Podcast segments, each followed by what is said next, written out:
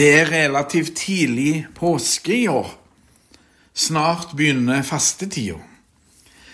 Derfor kommer såmannssøndagen allerede nå i januar.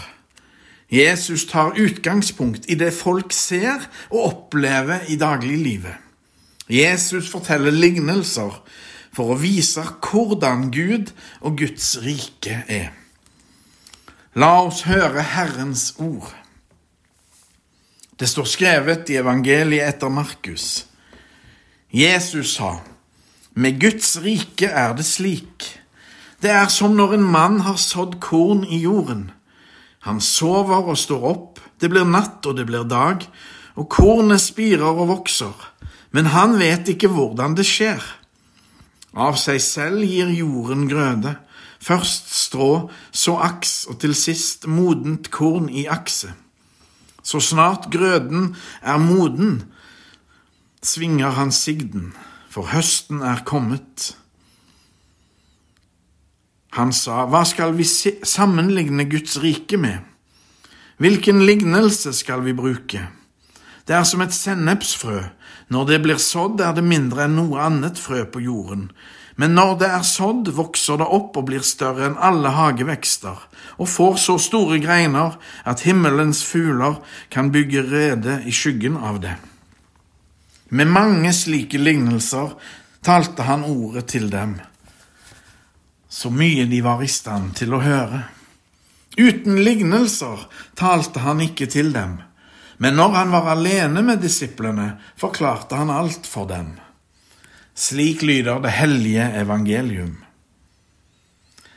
Det sies at korn som har ligget lagra i kjempelang tid, faktisk i mer enn tusenvis av år, fremdeles har store spirekraft i seg. Såkorn fra det gamle Egypt har vist dette. Når kornet endelig har blitt satt i jorda og fått fuktighet og passelig med varme, begynner med ett spiringa så har vi nettopp lest en kjempegammel tekst som henviser til Jesu ord, enda eldre, snart 2000 år, som òg har store spirekraft i seg. Det er forunderlig og sterkt. Guds rike er på samme måte, sier Jesus. Det bitte lille sennepsfrøet blir til et kjempestort tre Akkurat som han som sådde kornet, forstår heller ikke vi hvordan dette går til. Livskraften er sterkere enn vi kan ane. Vi kan bare undre oss over at det er slik. Det som er et lite frø, vokser seg stort. Slik er livet, og slik er menneskelivet. Vi kommer alle fra mors liv. Vi har alle vært små og svake, ytterst sårbare. Og vi trenger alle omsorg og støtte livet gjennom. Ja, i perioder er vi sjøl de som er sterke, og de som gir omsorg. Men i det store og det hele er vi alltid avhengige av andres hjelp. Vi kan ikke leve alene. Vi trenger alltid fellesskapet. Vi hadde brann i kirka vår natt til den 14. november. Det var en traumatisk opplevelse for hele staben, der det føltes ekkelt å komme inn på et fullstendig nedstøva prestekontor. Det var nemlig der brannen starta. Det var nedstøva av slukkepulver. Takk til de som slukte, brannen var raskt på pletten, kun tolv minutter etter at alarmen var utløst. Prestekjolen her, den skal få lov til å være som han er. Den har en brannskade. Den er skada av brannen. Men dette er en del av historien til denne Alban, altså prestekjolen. Mer enn én har bemerka brannsåret. Nå er mitt kontor endelig på plass igjen takket være hjelp fra min kjære Siri. Hun er et unikum på mange måter, men Siri er òg helt rå på å rydde på plass og få orden. Så nå på onsdag kveld ble mitt prestekontor skikkelig ryddig igjen, faktisk bedre enn noen gang før. Under de tøffe koronatidene var det mange som satte opp et skilt med en regnbue på. Alt skal bli bra, sto det. Regnbuen, det er Guds eget håpstegn satt på himmelen.